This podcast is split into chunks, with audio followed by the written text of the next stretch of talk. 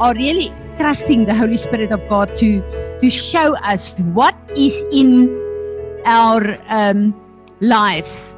Dis heerlik om jou te sien Karin kom in. So we are in a time of repentance and a lot of us are in a fast. Um, I'm telling you, I decided to fast um, uh, uh, anything sweet. I only now discovered my addiction that was so socially acceptable because I'm having a very, very hard time. But uh, I believe that this is a, t- a time where God is gathering a remnant and where He allow us to make a way into what we are stepping over into in this new year that's coming. And um, yeah, this morning earlier I listened to to something of uh, that uh, Perry Stone said about next year already uh, starting to reveal what what God wants us to do, and I'm uh, very excited because I know God is preparing us for where we are going. Uh, yesterday, Apostle Natasha touched, uh, uh, touched on uh, Jesse Duplantis. He's got a few, um, I think it's uh, one to part four. Natasha, am I right? Five. Uh, he had encounters, I think it's more than 30 years ago, where God, where God took him to heaven. And God said to him, I want you to go and tell my people I'm coming soon. And the whole problem is people did not understand him that time because it was a message for now. And then God said, I want you to open this up. And uh, uh, uh she shared certain clips, and I really want to ask you go to that, and it will change your mind of how we need to relate with God. But one of the things that I mentioned uh, last night as well on the Aerial Gate group is uh, the beginning of this year, we all had this tragedy of Agatha and little Caleb uh, and the, uh, the accident and his death and everything uh, we went through. And as I am walking with Agatha to really just go through this morning the way that uh, God wants her to go through it. Uh, I think it's about um, four months ago, maybe five, Agatha will know, when I prayed with her one day and she cried and she said, It's terrible to know that she will not be able to raise little Caleb. And suddenly, Holy Spirit said to me, Tell her she will raise her own child in heaven. And I said that to her. And afterwards, I went into a time of prayer and I said, God, I know when you are speaking to me, but please help me not to comfort people with a hope that is not from you, because I never heard anything about something like that. And in this thing, Jesse Duplantis said, in heaven, we do not understand time. So when uh, uh, Jesus comes to fetch us, and um, maybe it's a few years after our loved ones uh, died. Their time conception and ours with Gregorian time is not the same. One day, a thousand years, thousand day, years a day. And it will be as if, okay, here's my mother. I saw her just the other day. And he said, Mothers, you will raise your own children in heaven. And that to me was such a wow, I really heard God. So, uh, God is opening certain things to us, an understanding of who He is and who He made us. And uh, as we went through a lot of things yesterday uh, morning, uh, one of the things that really came to my heart is that God is about we need to understand the fear of God again. And I think it was two, two weeks ago, uh, the Holy Spirit spoke to, to uh, Pete and said we must uh, do a few pot beans on the fear of God. And as I was preparing for that, I said, God, we have come to know you to such a place of maturity. It's as if there's a familiarity with you. And we relate as these grown ups to God. And it's right, it's a good place. But then the Holy Spirit said to me, Francie, when last were you on the floor on your face in awe of me? And I thought, Lord, Lord, I cannot even remember. And I remember there was a time in my life where when I entered his presence, I felt this awe of my God, and I could just hit the floor and just lay before him, crying and enjoying his awesome presence. And I said, God, I want that back. What happened? What happened to me? I want that back because this is the place where I want to live and serve you. And I believe that God is drawing us back to a place where we will really live in the fear of God and that the awe of our God will be so present that all we can do is to just lay on our faces before our God. And what Jesse Duplantis was ministering in this whole thing was a dimension of how we relate to God. And he came and he said, one day he went into the presence of God to just to just minister to him and to hear what God wants to say. And when he went in, he felt something is not right. And he said, God, what's going on? And he knew it was not he that was not right. It was God. And he said, God, are you hurting? And the Lord opened his heart to Jesse Duplantis. And he said, I'm canceling my whole day. I'm just going to minister to you. I'm just going to worship you. I'm just going to be here for you today because you are hurting. And he said one thing there that we must know our emotions that we have. God have these emotions to an extent far more than we can, can experience it. Did we ever enter the place where we want to spend God, uh, uh, time with God and ask God, God, how are you today? What can I do to you? What can I minister for you in this day? God, are you hurting of all the millions of babies in abortion that's dying today? How do you think God feel about that? God, are you hurting all the people that's dying today and that's heading for hell. What's your emotions on that? Did we ever think there's a place where God want to enjoy us and want ministry from our part? God created us in his image with all his emotions. And we have to, a sense, come to a place where God is there and it's true. But we are here, and as long as we can pray and ask God to do whatever we need in our own lives, our own families, our own situations, it's fine. But did we ever understand we need to come to a place where we can minister to God?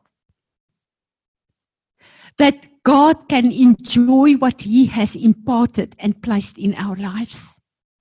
That God can draw from His own anointing that He placed on our lives back to Him to comfort Him, that He can take pleasure and joy in us as a creation. Do we ever think to spend time and say, God, I'm here this morning to love you and to minister to you. What's on your heart? And I realized God said that He is bringing a remnant out in the end times that will be powerful. But I realize the only way that I will really lay my life down in this new place is when I can feel the pain of my God.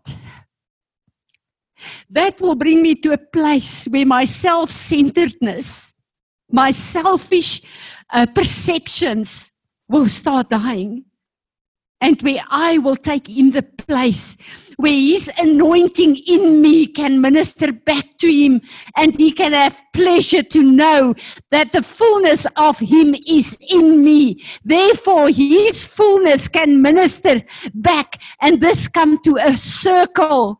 Colossians 1. God created everything from Him, for Him, and back to Him. It's time for us to start ministering back to God. Jesus died to reconnect us to our God. Why? Just for us to have a wonderful, blessed life on earth?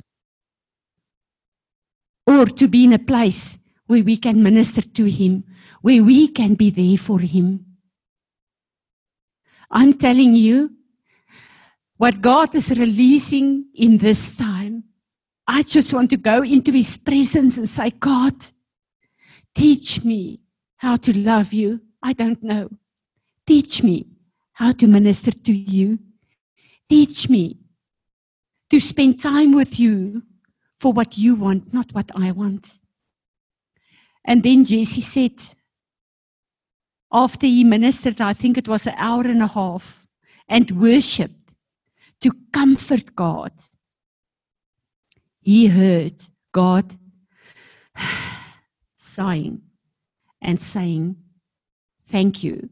Now you can go on with your day.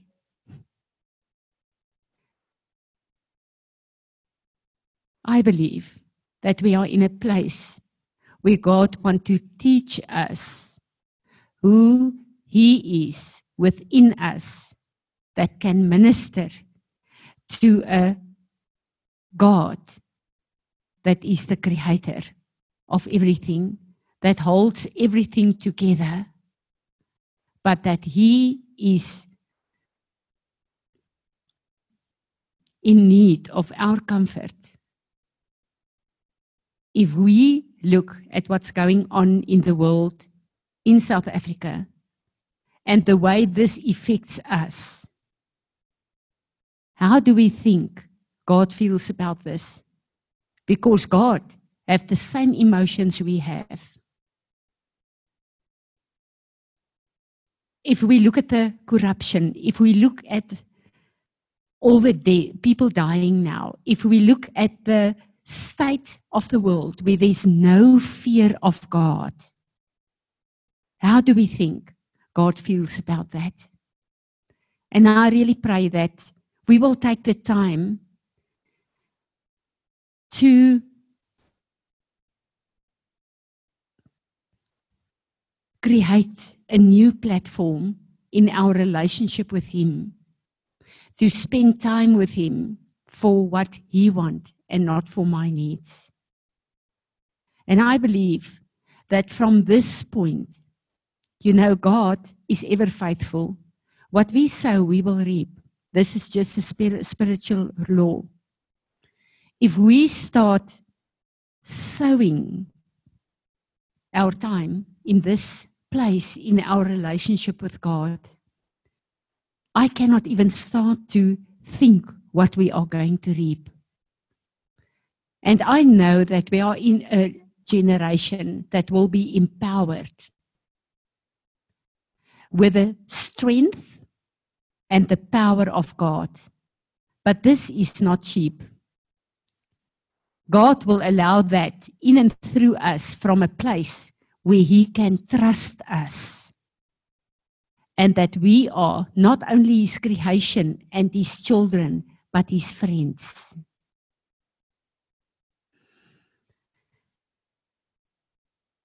Something that's really coming to us in this time is that one of the things that Jesse Duplantis said is that only the people, Natasha, I didn't listen, you must correct me if I'm not right, that paid the price and that are clothed with the robe of righteousness can enter in the presence of God before his throne, not other people. In the heaven, there's also an outer court, an inner court. and the throne room of God. What we are doing here in this course is that we are changing our robes. This is a Zechariah 3 situation. Joshua the high priest, he's born again, he's a servant of God. I mean, he's the high priest, the most holy man in Israel. He's standing before the Lord, repenting on behalf of himself and his bloodlines. Because to remove your filthy garments is repentance. A filthy turban, that's repentance. If a high priest is in need of that, where are you and me? When we look at Isaiah 61, speaks of the cloth of salvation. When you and me are born again, uh, 2 Chronicles 6, uh, uh, verse 41 speaks of, Now therefore arise, O Jehovah God, into thy resting place, thou and the ark of thy strength. Let your priest, Jehovah, O God, be clothed with salvation. When we get born again, we receive a cloak of salvation. But do you know what? That's outer court. Then, with the way that we take hold of the cross of Calvary, the way that we repent, that the way that we go through deliverance, that release to us a robe of righteousness. And I want you to write down the scriptures. We haven't got time to that, but I want you to go and search it out. I will do another session on this. But salvation, Isaiah 61 verse 10, Isaiah 12 verse 2, Isaiah 52 verse 1, 2 Chronicles 6 verse 41. There are more. I'm sorry, uh, Ezekiel 42 verse 14 as well. Okay. The clothes of righteousness. Job 29 verse 14. Revelation 19 verse 8. Psalm 132 verse 9. And then Zechariah 3. We need to know we receive a cloak of salvation.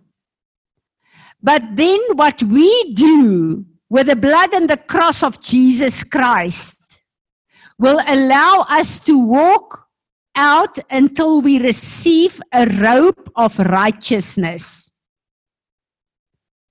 It's only when we are righteous that we can enter before the throne of our God.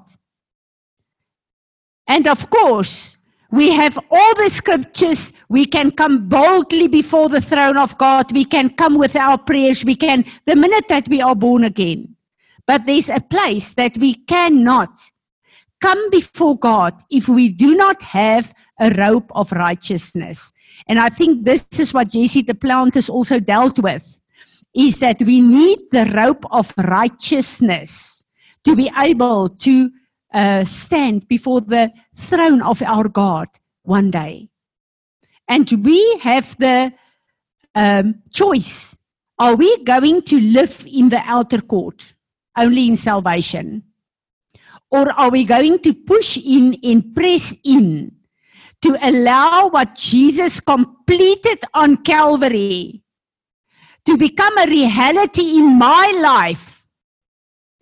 To truly take up the cross to truly declare that we died with him through our baptism. We are raised with him.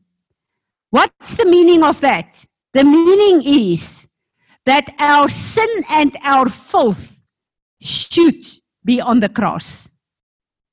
And that in this dimension, as children of God, we will work with Holy Spirit and Jesus Christ to become his image on earth and to be clothed with righteousness that the fear of God can be seen and ministered through us on this earth. One of the things I want to say to you clearly, and I say it to myself with the fear of God on me. If you are stubborn to sit with situations of bitterness, unforgiveness in your heart, it's because there's no fear of God in your life.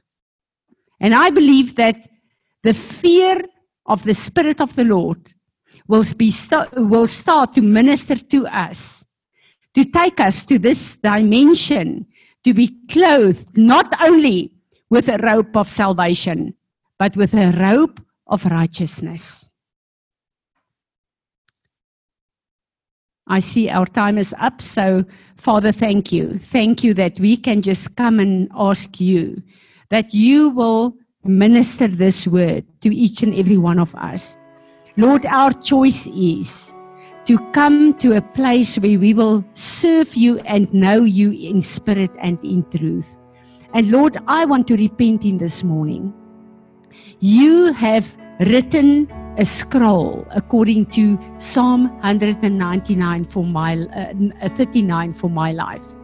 But Lord, I have through my sin my stubbornness, my disobedience added things to the scroll that's not from the Lord. I want